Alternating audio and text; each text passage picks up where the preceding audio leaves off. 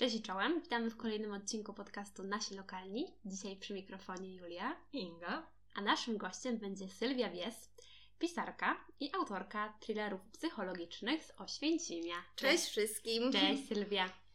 Co tam? Dobrze, właśnie skończyłam piątą książkę pisać całkiem niedawno, także e, na fali wznoszącej w tym momencie. Dlatego też Sylwię tutaj zaprosiliśmy. W ogóle Sylwia była osobą rekomendowaną ostatnio na profilu e, na miasta e, Oświęcim, profilach mhm. e, społecznościowych miasta Oświęcim. E, no i my się w ogóle zaczęłyśmy zastanawiać, dlaczego my Ciebie nie znamy. Dlaczego o Tobie jest tak cicho tutaj? No i ja chyba wiem czemu, bo ostatnio już mi wspominałaś, ale możesz, może powiesz naszym słuchaczom. Mm, jasne. Ja miałam e, trochę pecha w tej całej szczęśliwej sytuacji, kiedy udało mi się znaleźć wydawcę i, i wydać książkę, dlatego że premiera mm, mojej książki niestety przypadła na pierwszy dzień takiej ogólnopolskiej pandemii. Czyli było zorganizowane fajne spotkanie w bibliotece, e, takie premierowe. Sporo osób się zapowiedziało i, i, rzeczywiście miało to być dość mocno nagłośnione, ale niestety dzień wcześniej e, wszystkie te obostrzenia zostały wprowadzone. E, i sprawa, że tak powiem, umarła wcześniej niż się zdążyła y, urodzić. Więc przez ten okres pandemii ja tak naprawdę głównie działałam e, w internecie, na Instagramie, na Facebooku i w ten sposób udało mi się dotrzeć do dużej dosyć grupy czytelników, ale mało tych osób było tutaj takich lokalnych. Większość to były jednak, e, jednak osoby spoza, e, spoza Oświęcimia. E, I myślę, że, że stąd się sytuacja bierze. A druga kwestia, ja mam wrażenie, że, że i dziewczyny też pewnie ze mną zgodzą, że no, powiedzenie swoje, cudze chwalicie, swego nie znacie, bardzo dobrze się sprawdza, nie? Że jakoś tak łatwiej czasami sięgnąć po, po coś, co jest takie odleglejsze, bardziej się interesujemy tymi takimi zewnętrznymi, że tak to nazwę, podwórkami, a nie swoim, e, a nie swoim własnym. Zdecydowanie tak jest. No dokładnie, potwierdzamy, jest tak w 100%. No a Sylwia, powiedz, kiedy e, i w ogóle dlaczego zaczęłaś pisać? Jak to się zaczęło wszystko u Ciebie? U mnie sprawa pisania jakby była w takiej sferze marzeń już e, w momencie rozpoczęcia studiów. Ja studiowałam polonistykę i skończyłam te studia już dosyć dawno temu, bo jak dobrze liczyłam, to było 7 albo 8 lat, e, lat temu. Wtedy taki pierwszy zamysł napisania książki mi się gdzieś tam w głowie pojawił, ale nie było, e, nie było to za bardzo czasu, nie miałam też jakiejś takiej silnej motywacji. E, I tak naprawdę e, takie moje pisanie na poważnie było taką dla mnie trochę formą terapii. Ja zaczęłam pisać w takim dosyć kiepskim momencie swojego życia na zasadzie takiej próby odnalezienia czynności, która, która skutecznie mnie oderwie od tego, co dzieje się w moim życiu i pozwoli przenieść do takiego trochę innego, e, innego świata. I rzeczywiście te swoje myśli zupełnie w inną stronę wówczas odwróciłam. A musiałam stworzyć bohaterkę, stworzyć jej świat. E, I tak naprawdę dopiero jak skończyłam pisanie tej mojej pierwszej powieści e, fikcji, trwało to no, niespełna rok, około 8-9 miesięcy, to ja sobie zdałam sprawę, już czytając później gotowy, e, gotowy tekst, e, że ja razem z tą bohaterką przeszłam taką wewnętrzną przemianę w trakcie pisania. Z takiej osoby bardzo zagubionej, w takim rzeczywiście kiepskim momencie, próbującej znaleźć jakieś, e, jakieś rozwiązanie, jakiś sposób na, na dalsze życie, przez takie różne wzloty i upadki, uwikłanie się w różne gdzieś tam sytuacje, faktycznie znalazłam w sobie tę wewnętrzną siłę, żeby swoje życie zmienić, zbudować na nowo i tak też się stało w przypadku tej mojej bohaterki. Pięknie. Po prostu historia jak z jakiegoś, nie wiem, filmu o, o artystce.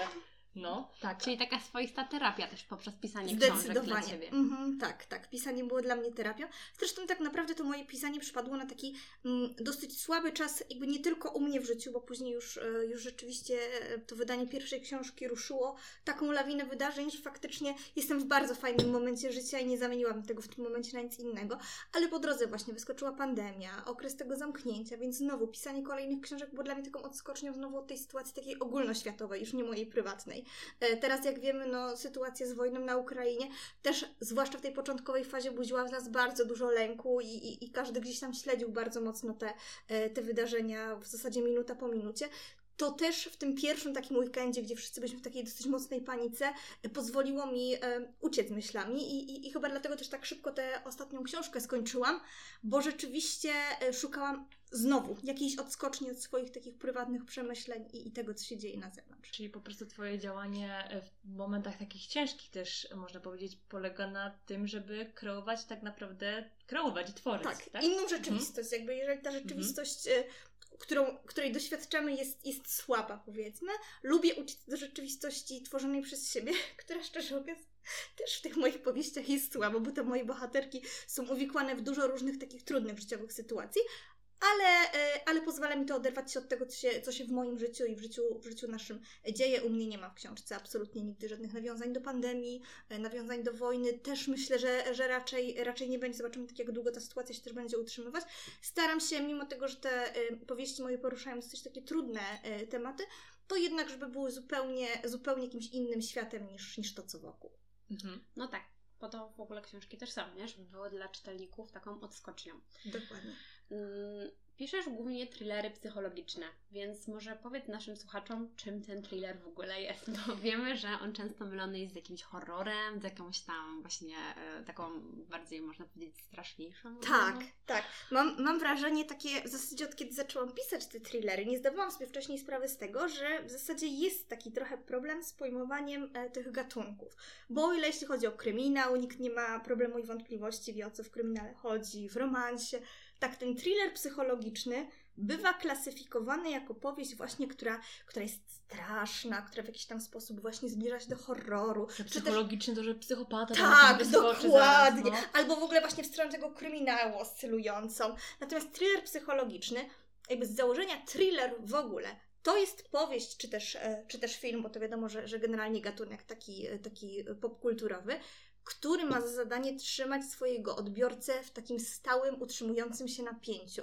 Powodować, że, e, że on ma takie poczucie, że coś jest nie tak, coś tutaj nie gra i, i będzie jakieś drugie dno, ale absolutnie nie związane z jakimiś strachami na zasadzie, nie wiem, e, istot pozaziemskich, zombie, duchów itd., tak itd. Tak Jeśli chodzi o te moje thrillery właśnie psychologiczne, Tutaj jakby źródło tego lęku bierze się albo właśnie z umysłów bohaterów, którzy mają jakieś urojenia, jakieś problemy gdzieś tam psychiczne, z którymi próbują sobie radzić i, e, i ten świat jest dla nich straszny, bądź też z jakichś tajemnic z przeszłości, traum. Coś, co powoduje, że ten czytelnik ma takie poczucie, że musi przerzucić następną kartkę, czy w filmie, czy serialu, obejrzeć kolejny odcinek, czy kolejną scenę, żeby wejść w głębię i dowiedzieć się, no co mnie tak po prostu gdzieś tam mierzi, taki kamyk w bucie uwierający. Właśnie, nie? a propos kamieni, to na Netflixie jest przy, taki, przy tego typu serialach na przykład, czyli właśnie thrillerach psychologicznych, e, taki podpis, że kropla drąży skałę. Tak. Nie? Ja zawsze sobie myślę, dobra, okej, okay, to taki gatunek, nie? Ja też tak, ja też właśnie lubię na Netflixie te, które mają właśnie tą cechę podaną, bo to jest właśnie coś, gdzie, gdzie tak kawałeczek po kawałeczku się wyłuskuje. I te, to jest właśnie to stwierdzenie kropla drąży skałę, czyli tak jak thriller psychologiczny. To dokładnie, jest stronę, dokładnie, dokładnie w tę okay, stronę. Już będziemy wiedzieć. Wyjaśnione. tak.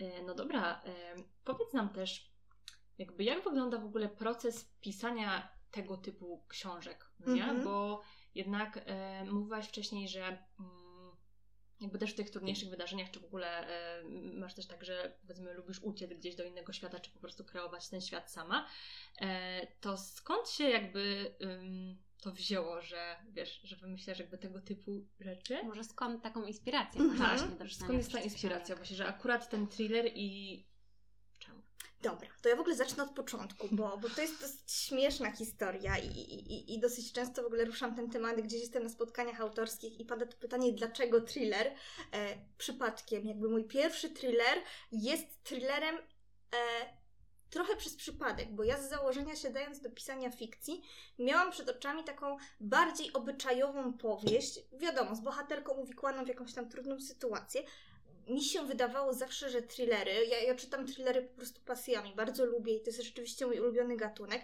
Ja zawsze miałam poczucie, że napisanie thrillera jest po prostu sztuką e, najwyższą po prostu, mhm. że nie da się e, bez specjalnych umiejętności, takiego knucia, takiego mieszania gdzieś e, tymi wydarzeniami napisać thrillera. Dlatego ja zabrałam się za, za powieść obyczajową.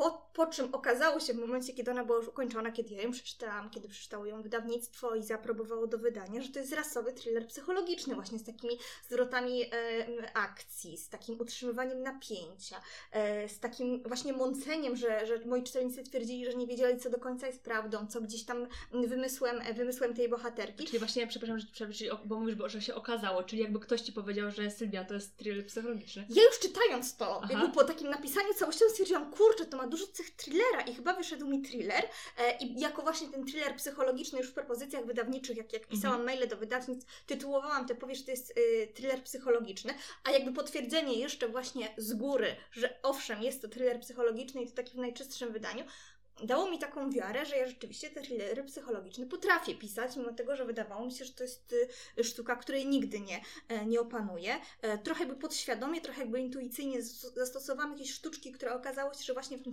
thrillerze psychologicznym są obecne. I kolejne już powieści pisałam z pełnym rozmysłem. No i teraz przechodzimy do tego, o czym pytałyście właśnie na początku, czyli jak to się robi.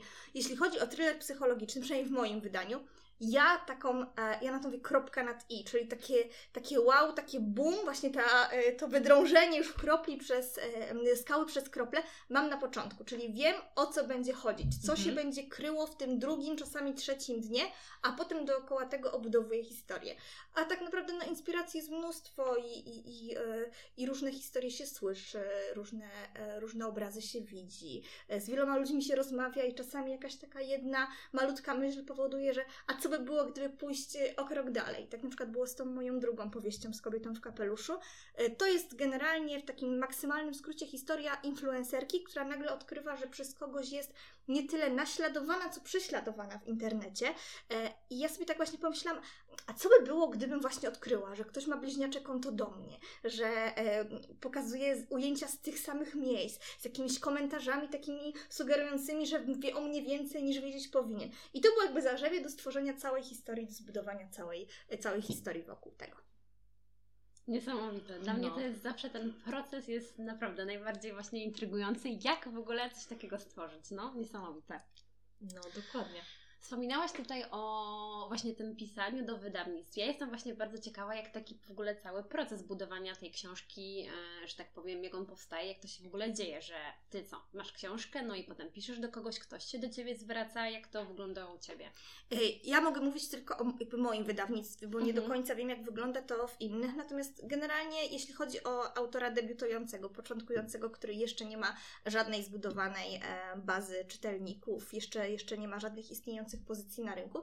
Myślę, że ta droga na początku jest u każdego taka sama, czyli kończymy pisać powieść i wysyłamy maile do wydawnictw przenajróżniejszych. Ja akurat celowałam wydawnictwa takie, które wiem, że specjalizują się właśnie w, w, w powieściach typu, typu thrillery. Nie pisałam do wydawnictw wydających nie wiem, romanse czy powieści historyczne, bo jakby z góry wiadomo, że, że taka, taka, taka firma, taki wydawca się do nas nie odezwie. U nas jest tak, że, że kiedy tekst jest gotowy, wspólnie pracujemy nad taką wstępną redakcją, czyli, e, czyli omawiamy jakieś tam kwestie, które wymagają jeszcze jakiegoś poszerzenia, wyjaśnienia, czasami usunięcia e, z całości. No wiadomo, korekta, czyli, czyli cała ta strona ortograficzna, interpunkcyjna, e, składniowa. Równolegle powstaje u nas okładka, opis na, na tył tej okładki. No i później idzie takie jakby działania marketingowe, czyli, czyli wybieramy patronów medialnych, wybieramy sobie recenzentów, osoby, do których te wstępne egzemplarze będą, e, będą mówiąc potocznie, szły, mm, osoby, które będą później nam tę książkę pomagać e, promować. Nie wiem, jak to wygląda w innych wydawnictwach, ale myślę, że ten, ten system wydawniczy jest podobny, czyli, czyli najpierw pracujemy nad tekstem, a potem całą tą obudową wizualną.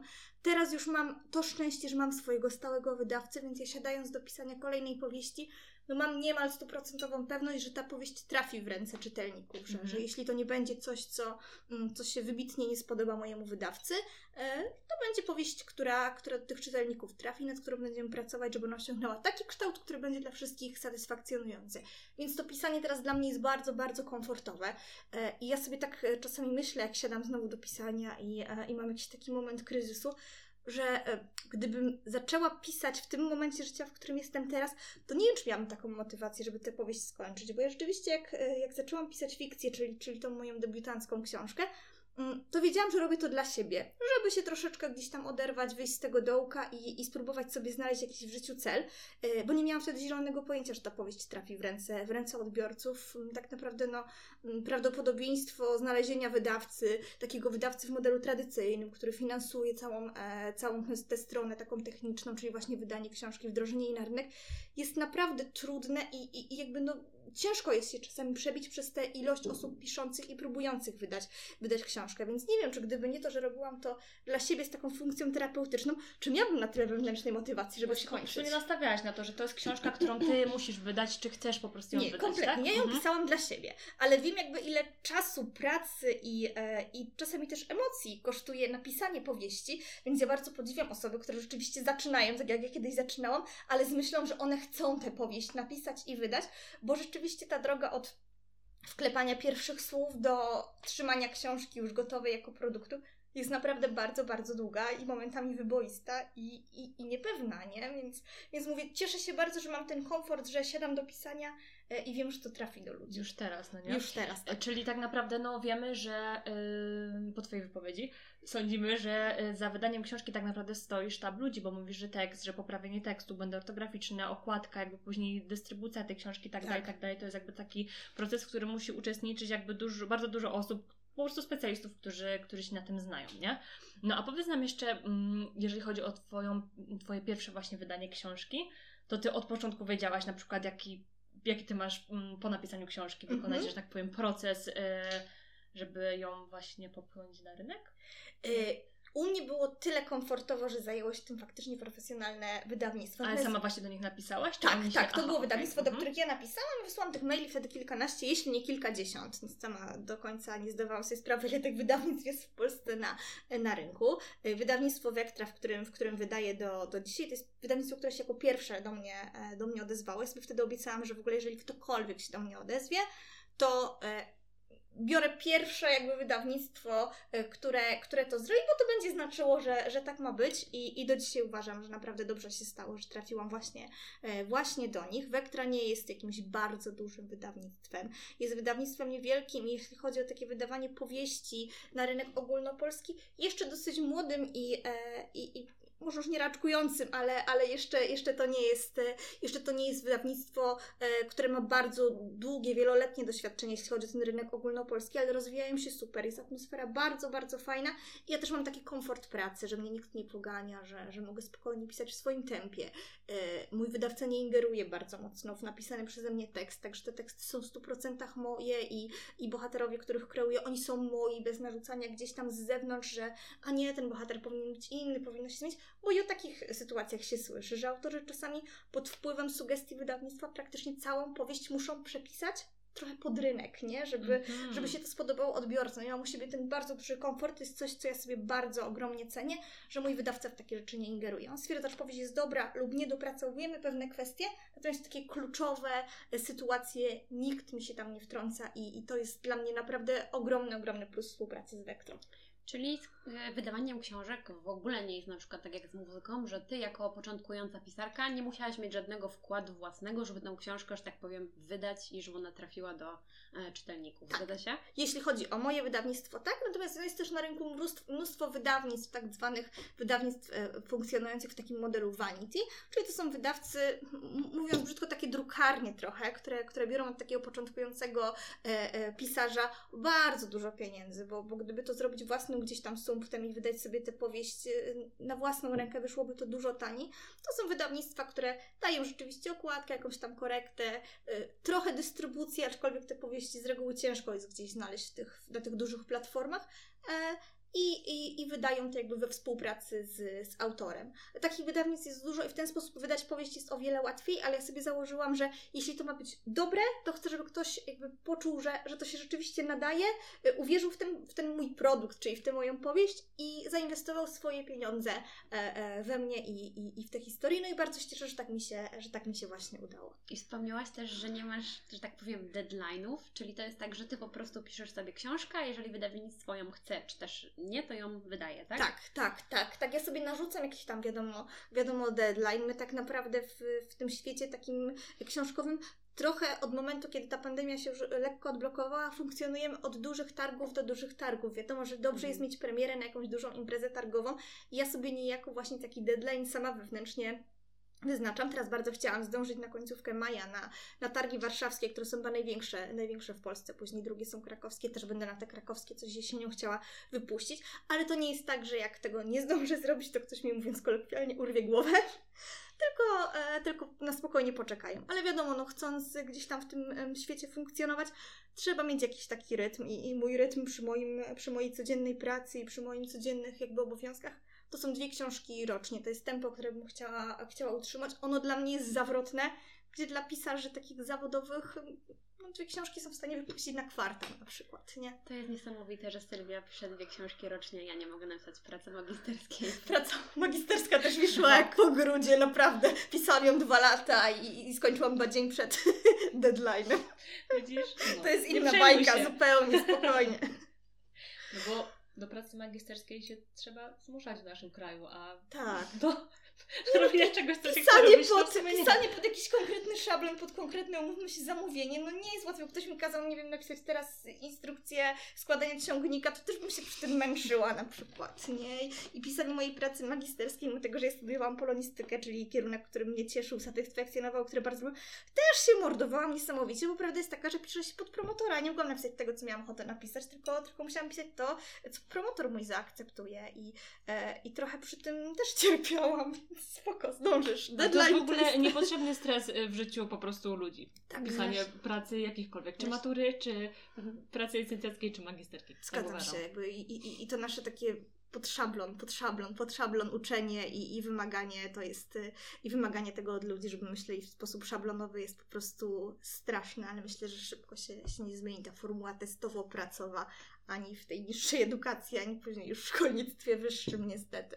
Tak, ale chociaż poza tą edukacją taką typową, e, którą mamy w szkołach, to myślę, że ludzie, ludzie już coraz częściej tak jakby myślą sami, no nie? Samodzielnie, więc i się rozwijają. Ja znam bardzo dużo naprawdę świetnych, mądrych, inteligentnych ludzi, którzy, y, którzy nie są tacy uniwersyteccy, nie? Na zasadzie, że to są ludzie często bez wykształcenia wyższego, Mhm. a uważam, że robią tak fajne rzeczy i wychodzi im to tak fajnie i osiągają naprawdę duży sukces. Nie mówię o jakimś takim celebryctwie, nie? Tylko, tylko rzeczywiście w sztuce, czy, czy nawet w literaturze, że, że to jest niesamowite. Większość na przykład pisarzy, których ja bardzo cenię i uważam, że literacko-językowo są rozwinięci fantastycznie, to wcale nie są ludzie po dziennikarstwie, po, po polonistyce, czy po jakiejkolwiek filologii, są często po prostu samouki i te ich powieści są o tyle bardziej jakby niesamowite niż, e, niż e, powieści ludzi z wykształceniem, dlatego że oni myślą właśnie w taki niesz- nieszablonowy sposób. Dla mnie moja polonistyka to po prostu w pewnym momencie była straszna pułapka przy pisaniu, bo ja byłam e, nauczona takiego klasycznego podejścia do, do literatury, tego, że nie wolno za bardzo mieszać, mieszać czasów, że,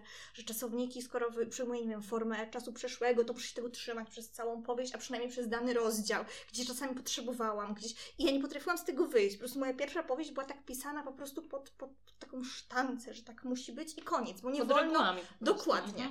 E, I bardzo przeszkadzało Ci to Przeszkadzało trochę. mi. Mhm. Przeszkadzało mi. Jakby, no, wiadomo, że były, były sytuacje, kiedy korzystałam z tego swojego polonistycznego wykształcenia.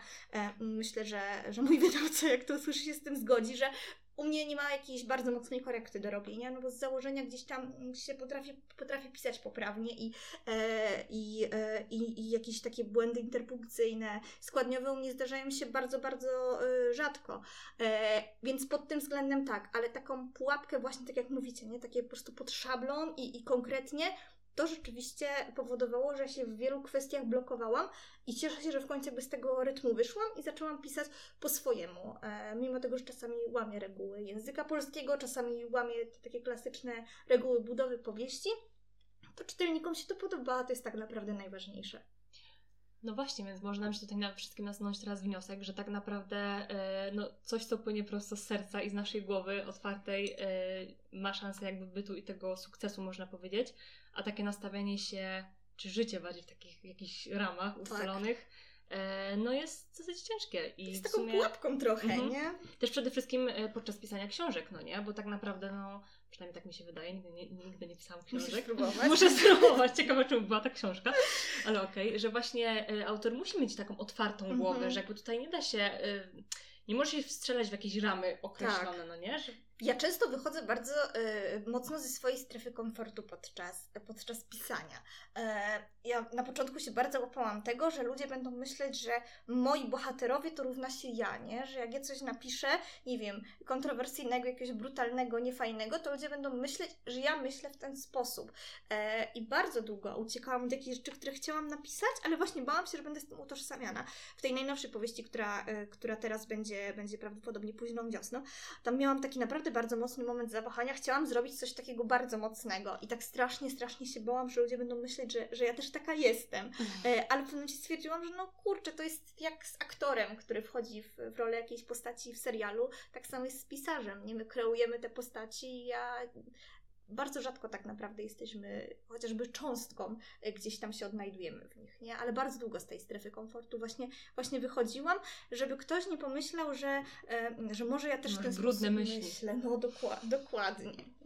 No to może być taka w sumie właśnie pułapka, tak jak mówisz, no nie? Bo em, jak na przykład jest jakaś książka, w której mamy powiedzmy, nie wiem, jakiegoś mordercę czy psychopatę, który gdzieś tam tak się czai i wiadomo, później go porywa i nie wiadomo jakie rzeczy robi i jest ona napisana przez autora X, no to y, można tak to odebrać, Tak. że być może ten autor jest Jakiś taki ma jakieś takie zboczenie nie- Może dziwne. coś z nim jest nie tak, Ja no. kiedyś odebrałam taką wiadomość przy swojej pierwszej powieści. Mm, Ktoś do mnie napisał właśnie, że, że podobało się, że fajnie, ale co ty masz w głowie, że ty takie rzeczy wymyślasz, nie?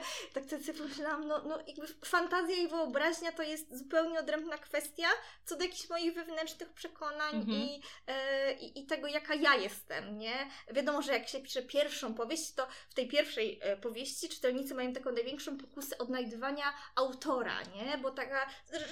No, Chcą go też zrozumieć tak, jest, jakby. tak, Mhm. tak. Ta pierwsza powieść w moim przypadku i w przypadku autorów, których ja gdzieś tam osobiście znam, rzeczywiście jest trochę tak, że ta pierwsza powieść jest taka najbardziej, najbardziej nasza, bo, bo, bo często gdzieś tam zbudowana na kanwie jakichś takich osobistych doświadczeń. E, Nie mówię, że, że to są historie gdzieś tam takie autobiograficzne, ale trochę czerpiemy z tego życia. Jeszcze pisząc pierwszą powieść nie miałam kompletnie takiego pisarskiego doświadczenia, jakichś takich schematów, które, które już teraz sobie wypracowałam i rzeczywiście najczęściej wtedy człowiek czerpie ze swojej głowy, ze swojego podwórka i z tego, z tego co, co zna, ale, ale właśnie no łatwo można wpaść jako czytelnik w taką pułapkę, nie? Identyfikowania e, e, autora przez pryzmat e, jego powieści. Tak w szkole, nie? Podmiot liryczny, właśnie, bo, bo poeta tutaj napisał O, coś nie. takiego, co, co, co wiadomo było, że poeta a podmiot liryczny to były dwie różne kwestie, ale bardzo trudno paniom z polskiego zawsze wychodziło wybicie uczniom z głowy, że to nie jest to samo, nie? Mhm. Ja miałam akurat super panią od polskiego w gimnazjum. Ja też, ja też z gimnazjum panią najbardziej pamiętam i najbardziej dobrze wspominam, ale ja miałam w zasadzie wszystkie polonistki fajne i Mhm. no, gdybym nie miała dobrych polonistek, to też bym na polonistyce nie wylądowała, więc to też świadczy. To prawda, nauczyciele jednak dużo robią i, i potrafią zainspirować.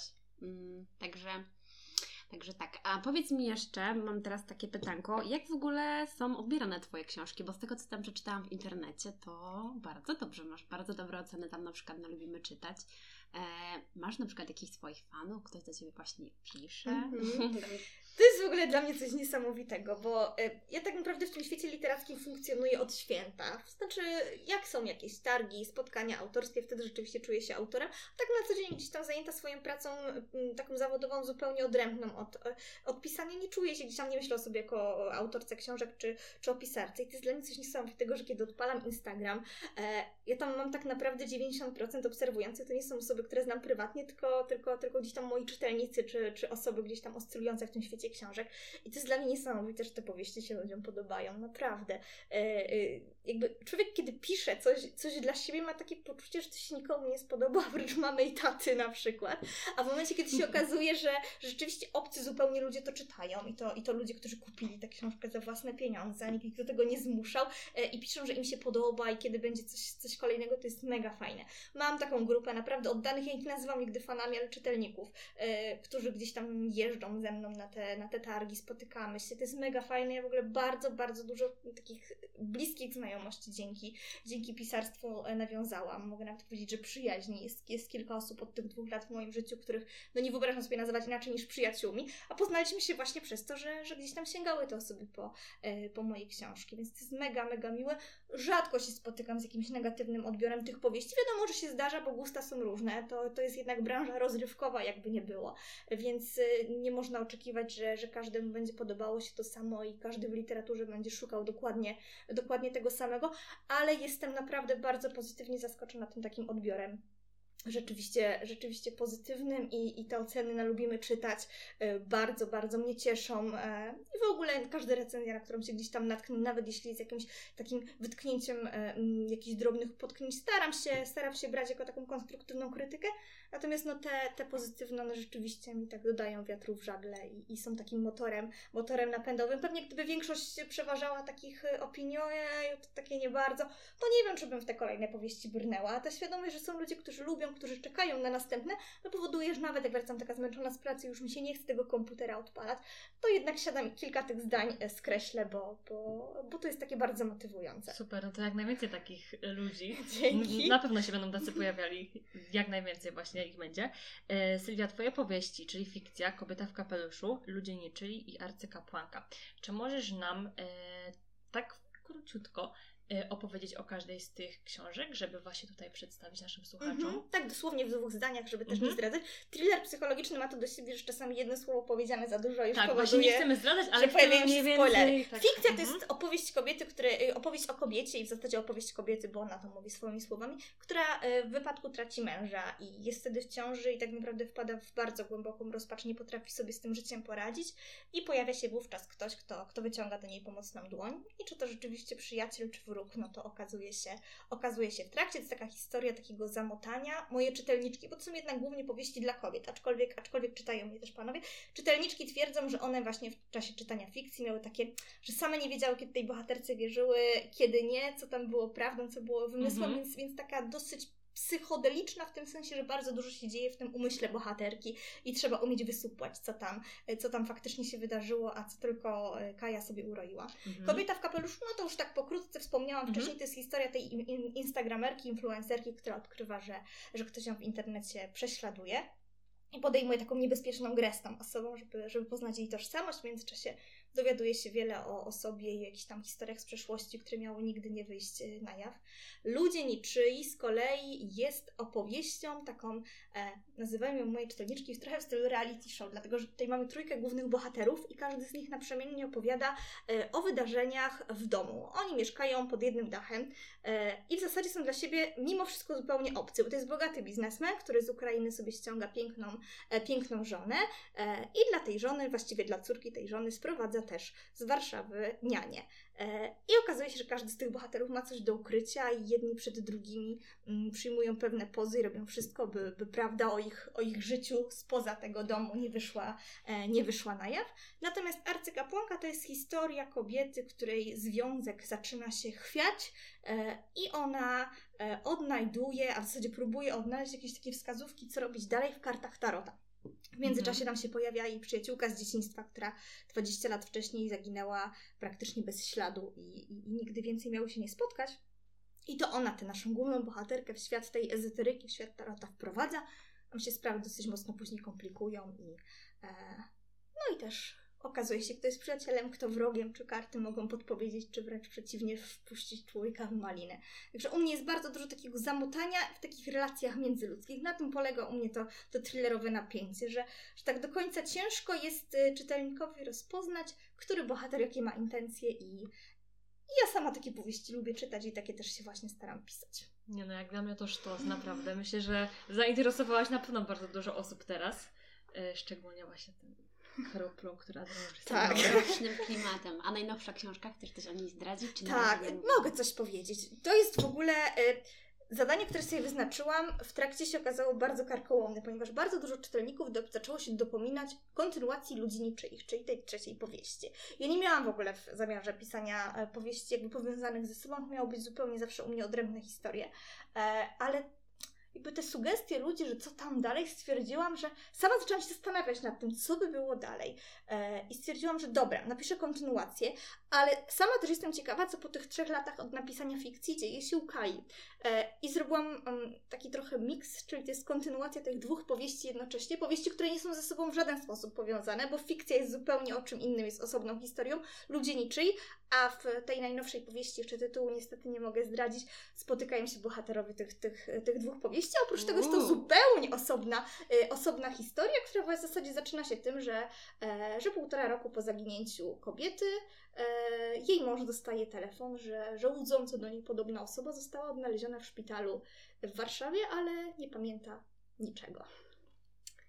Bardzo ciekawie to brzmi. Moja mama już ma pierwszą książkę, o której w ogóle zapomniałam e, oczywiście przywieźć, żeby musimy się w końcu spotkać, ja Ci podpiszę dla mamy. Bardzo, bardzo chętnie. A powiedz nam Sylwia, gdzie można kupić Twoje książki? W sensie, czy one stacjonarnie gdzieś na przykład są? One swojego czasu były stacjonarnie w księgarni na rynku. Nie wiem, jak wygląda mhm. teraz sytuacja.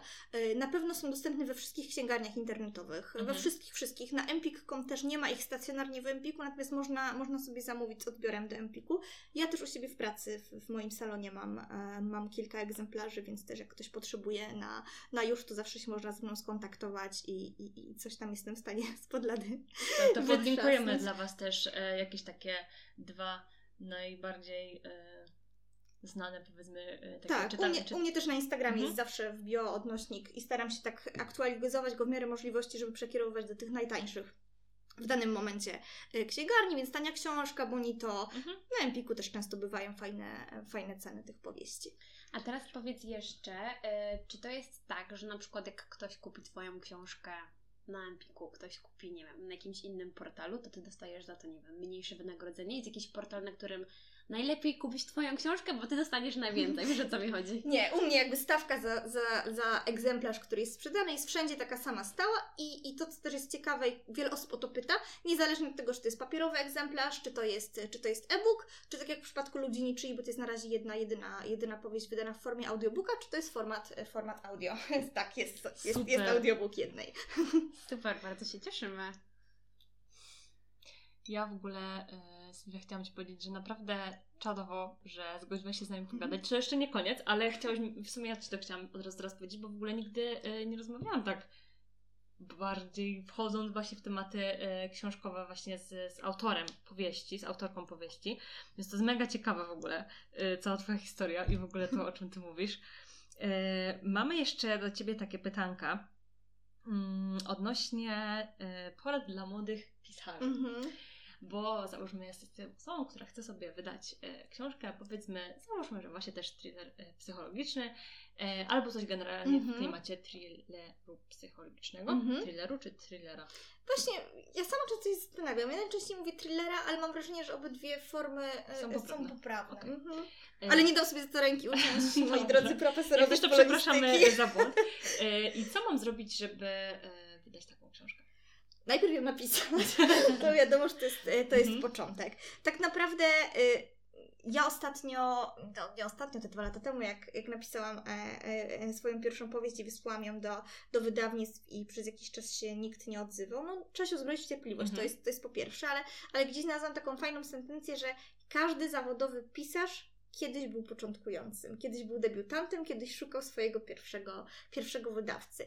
Więc dla mnie na przykład, jako dla osoby, y, która już ma gotowy tekst, wysłała ją, czy jest na etapie wysyłania jej do, do wydawcy, to trzeba tak to zrobić, w sensie znaleźć sobie kontakt. Praktycznie każde wydawnictwo ma na swojej stronie internetowej taką zakładkę dla autorów, gdzie, gdzie szczegółowo są opisane wymagania takiego tekstu, czyli w jakim ma być formacie, tam tego trzeba z reguły załączyć jakieś streszczenie, krótką notatkę o sobie i tak dalej, i tak dalej. Tutaj też y, przypomnijmy, że jeżeli chodzi o inne rodzaje jakby powieści, tak, czyli na przykład romanse, czy jakieś tak. kryminały, to zawsze szukajmy takiego wydawnictwa, które się ma zajmuje swoim stricte dorobku. tego typu y, tak. gatunkami. Aczkolwiek bywa, że jakieś wydawnictwo jest zupełnie otwarte na, na nowe gatunki. Z reguły wydawcy na swoich stronach właśnie piszą, jakich tekstów ewentualnie poszukują, jakie, jakie teksty wydają, więc jak ktoś wydaje poezję, no to wiadomo, że nie będzie chciał wydać, wydać prozy, jeśli to wyraźnie zaznaczy, więc, więc szkoda naszego czasu mhm. i i czasu też wydawnictwa, żeby, żeby do nich pisać. Natomiast warto, warto wysyłać te swoje teksty dosłownie wszędzie, wszędzie, wszędzie i do mniejszych i do większych, większych wydawnictw.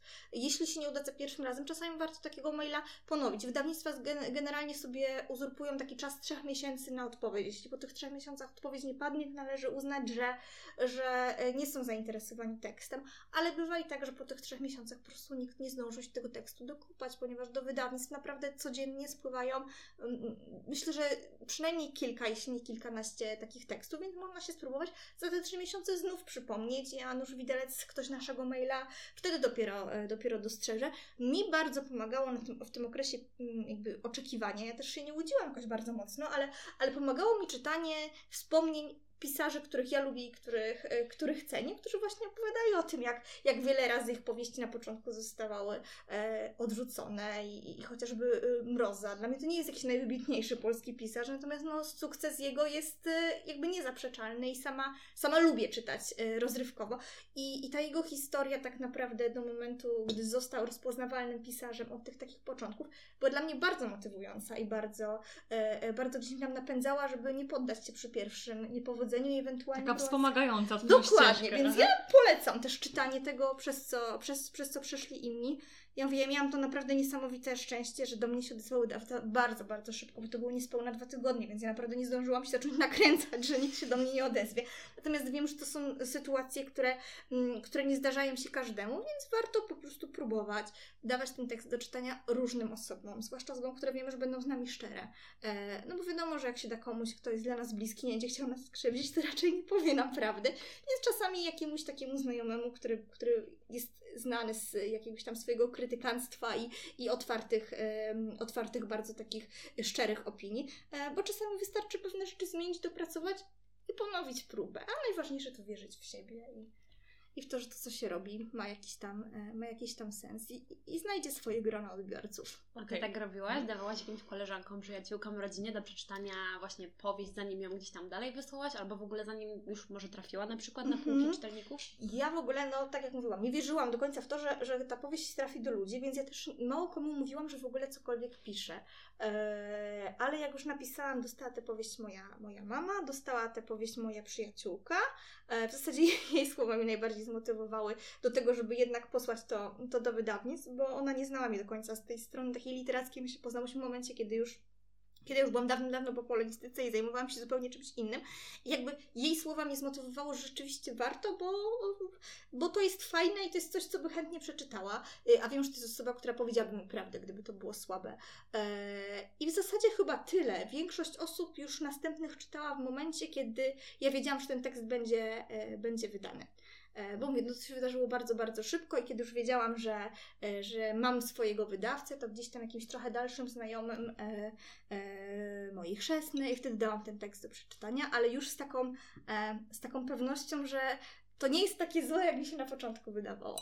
Bo ci wydawnictwo odpisało. Dokładnie, w zasadzie zadzwoniło i, i już wiedziałam, że, że to będą i tak ludzie czytać, więc no, no, no, no, no, no trzeba to, to puścić dalej, e, dalej w świat. Okej, okay, czyli po prostu nie zrażajmy się, próbujmy, e, też liczmy się z opinią innych osób, tak, dajmy po prostu tak, paru zaufanym osobom. Jak ze wszystkim, mhm, nie? Dokładnie. Jak ze wszystkim, no chyba, że rzeczywiście e, e, wiadomo jak jest, ja, mój wzrost jest y, na przykład niewielki, mimo tego, że nie wiadomo jak mu się zaparło, że chcę być modelką, no umówmy się.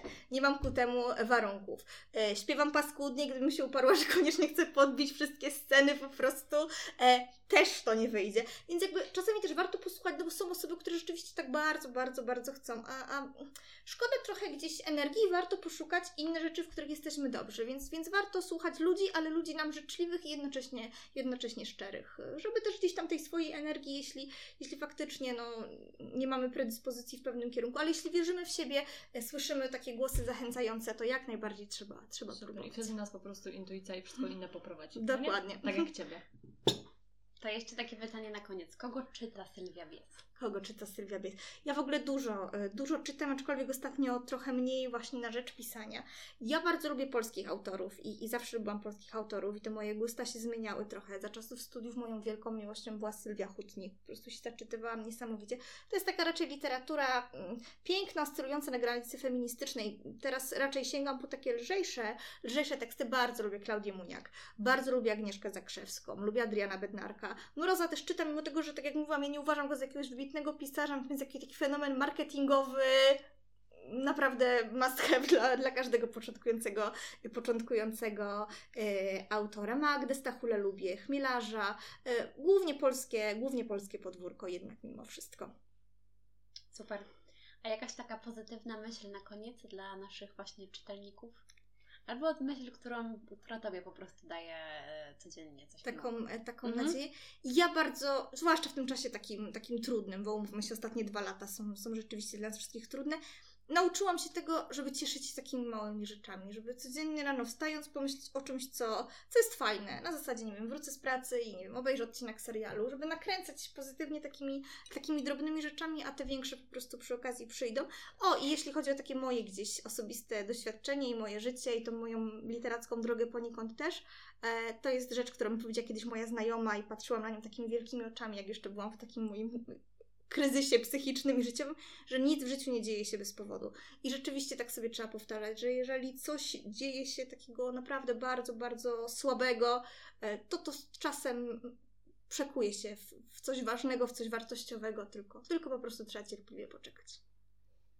Pięknie. I tym optymistycznym akcentem myślę, że kończymy nasz dzisiejszy e, odcinek. Ja bym jeszcze chciała podziękować na końcu e, profilowi Miasta Pokoju, E, nie pamiętam, czy to było na Facebooku, czy na Instagramie. Wydaje mi się, że chyba na Instagramie, bo to właśnie e, Miasto Pokoju, e, osoby będące, zarządzające, że tak powiem, Instagramem chyba Oświęcimia Miasta Pokoju właśnie zaproponowało nam siebie w komentarzu.